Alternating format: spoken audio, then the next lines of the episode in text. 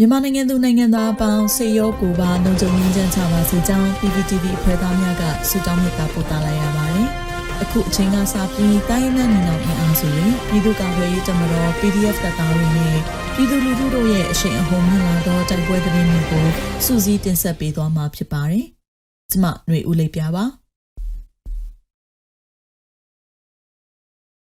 ပထမဆုံးအနေနဲ့ရွှေဘုံမှာစစ်တပ်တက်ဆွဲထားတဲ့နေရာတွေနဲ့စစ်ကြောင်းတွေတိုက်ခိုက်ခံရတဲ့တဲ့ရင်ကိုတင်ဆက်ပေးပါမယ်။စကိုင်းတိုင်းရွှေဘုံမြို့နယ်ရွှေဘိုရေဦးလမ်းပိုင်းနဲ့ပလိုင်းကျေးရွာတို့မှာတက်ဆွဲထားတဲ့စစ်တပ်နဲ့စစ်ကြောင်းတွေကိုဒေသခံကာကွယ်ရေးတပ်ဖွဲ့တွေကဩဂုတ်လ31ရက်နေ့မှာ drone နဲ့ပုံသီးချခြင်းမိုင်းဆွဲတိုက်ခိုက်ခြင်းကြောင့်စစ်သားလေးဦးသေဆုံးခဲ့ကြောင်းရွှေဘို PDF တပ်ရင်း20နှစ်ရင်းခွဲလေးထံမှသိရပါဗျ။ ရွှေဘိုရေဦးလမ်းပိုင်းမှာရှိတဲ့ရေဦးတရာနဲ့အင်းဘက်ကွေ့အကြားမှာအကြမ်းဖက်စစ်တပ်စစ်ကြောင်းကိုဩဂုတ်လ31ရက်နေ့ညနေ4:15မိနစ်မှာဒေသခံကာကွယ်ရေးတပ်ဖွဲ့တွေကမိုင်းဆွဲတိုက်ခိုက်ခဲ့ပြီးစစ်သား2ဦးသေဆုံးခဲ့က15ဦးထိခိုက်ဒဏ်ရာရရှိခဲ့တယ်လို့သိရှိရတာပါ။ရွှေဘုံမြို့နယ်ပလိုင်းကျေးရွာမှာတက်ဆွဲထားတဲ့အကြမ်းဖက်စစ်တပ်ကိုဩဂုတ်လ31ရက်နေ့မှာဒေသခံကာကွယ်ရေးတပ်ဖွဲ့တွေက drone နဲ့ပုံသီးချတိုက်ခိုက်ခဲ့ပြီးစစ်သား2ဦးသေဆုံးခဲ့တယ်လို့လည်းသိရပါဗျ။ ဆက်လက်တင်ဆက်ပေးမှာကတော့ကြော်ဝါဘူးဖျားကုန်းအနီးမှာစစ်ကောင်စီတပ်ဖွဲ့ကို drone နဲ့ပုံကျဲတိုက်ခိုက်တဲ့တဲ့တင်မှာကရင်မျိုးသားအစည်းအရုံး KNU ခေါ်သူလေးတပ်မဟာ6အုပ်ချုပ်နယ်မြေမြဝတီဝေါ်လီကာလန်ကြော်ဝါဘူးဖျားအနီးကျူးကျော်တက်ဆွဲထားတဲ့အကြမ်းဖက်စစ်ကောင်စီတပ်ဖွဲ့က KNLA ပူးပေါင်းတပ် Cobra စစ်ကြောင်းနဲ့ Federal Wings Drone တပ်ဖွဲ့က drone နဲ့ပုံကျဲတိုက်ခိုက်ခဲ့တယ်လို့ Federal Wings Drone တပ်ဖွဲ့ကဆိုပါတယ်။ ဩဂုတ်လ28ရက်ညတကောင်မှာလဲကော်ဘရာစစ်ကြောင်းနဲ့ Federal Wings တို့ကပုံကျဲတိုက်ခိုက်ခဲ့ပြီးစစ်တပ်မှအရာရှိ2ဦးသေဆုံးက9ဦးဒဏ်ရာရကြောင်းကော်ဘရာစစ်ကြောင်းကသတင်းထုတ်ပြန်ထားပါတယ်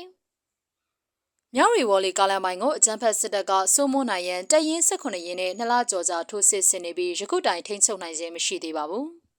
။မွန်ပြည်နယ်ကာကွယ်ရေးတပ်ရဲ့ပထမဆုံးစစ်စင်ရေးအဖြစ်ခေါစာမြို့ရဲစခန်းကိုဝင်တိုက်ရာရဲတပ်ဖွဲ့ဝင်အ ਨੇ စုံ2ဦးထိခိုက်ဒေဆုံးတဲ့တဲ့ရင်ကိုဆက်လက်တင်ဆက်ပေးပါမယ်။ မွန်ပြည်နယ်ရေးမြို့နယ်ခေါစာမြို့မှာရှိတဲ့စစ်ကောင်စီလက်အောက်ခံရဲစခန်းကိုစက်တင်ဘာလ၁ရက်ယနေ့နနက်ပိုင်းမှာမွန်ပြည်ကာကွယ်ရေးတပ်တောင်ပိုင်းကဝင်ရောက်တိုက်ခိုက်ရာရဲတပ်ဖွဲ့ဝင်အနည်းဆုံး2ဦးထိခိုက်ဒေဆုံးမှုရှိကြောင်း MSDF South ကသတင်းထုတ်ပြန်ပါတယ်။ဒီကနေ့မနက်6နာရီမှာ MSDF South ရဲ့ပထမဆုံးစစ်စင်ရေးအဖြစ်စင်ဖြူစစ်စင်ရေးလို့အမည်ပေးပြီးဝင်ရောက်တိုက်ခိုက်ခဲ့ကြောင်း နှစ်ဖက်အပြန်အလှန်ပစ်ခတ်မှုဖြစ်ပွားခဲ့ကြောင်းသိရှိရတာပါ။ MSDF South အဖွဲ့ကိုမွန်လူမျိုးတွေနဲ့မွန်ပြည်နယ်တွင်းမှာရှိတဲ့တော်လန်လူငယ်တွေနဲ့ဖွဲ့စည်းထားပြီးဆီယနာရှင်ပြုတ်ကျသည့်အထိတိုက်ပွဲဝင်သွားမှာဖြစ်ကြောင်းထုတ်ပြန်ထားပါတယ်။နောက်ဆုံးအနေနဲ့ရခိုင်ဘင်္ဂလားဒေ့ရှ်နယ်စပ်မှာရှိတဲ့မိုင်နိုင်40စစ်ကောင်စီတပ်စခန်းကိုအေအေကတင်ပိုက်ရရှိတဲ့တဲ့ရင်ကိုတင်ဆက်ပေးပါမယ်။ ရခိုင်ဘင်္ဂလားဒေ့ရှ်နယ်စပ်မှာရှိတဲ့မိုင်နိုင်အမှတ်40ရှိစစ်ကောင်စီတပ်စခန်းကိုအေအေကဒီကနေ့မှတင်ပိုက်ရရှိပြီး19ဦးသေဆုံးကလက်နက်တွေတင်ဆက်ရမိကြောင်းအေအေကသတင်းထုတ်ပြန်ထားပါတယ်။ဩဂုတ်လ31ရက်နေ့မှာရခိုင်ဘင်္ဂလားဒေ့ရှ်နယ်စပ်မိုင်နိုင်အမှတ်40အနီးမှာရှိတဲ့စစ်ကောင်စီရဲ့တပ်စခန်းတစ်ခုကိုရခိုင်တပ်တော်ကအပိသက်သိမ်းပိုက်ရယူနိုင်ခဲ့ကြောင်း အဆိုပါစခန်းပတ်ဝန်းကျင်မှာတိုက်ပွဲတွေစတင်ဖြစ်ပွားနေကြတာဩဂုတ်လ2ရက်နေ့ကလေးကဖြစ်ပြီးအဆိုပါနေရာအပါအဝင်ပလောဝဒေတာနဲ့အခြားနေရာတွေမှာရက်ဆက်တိုက်ပွဲတွေဖြစ်ပွားကတလနီးပါးအထိကြာမြင့်ခဲ့ပြီးဖြစ်ကြောင်း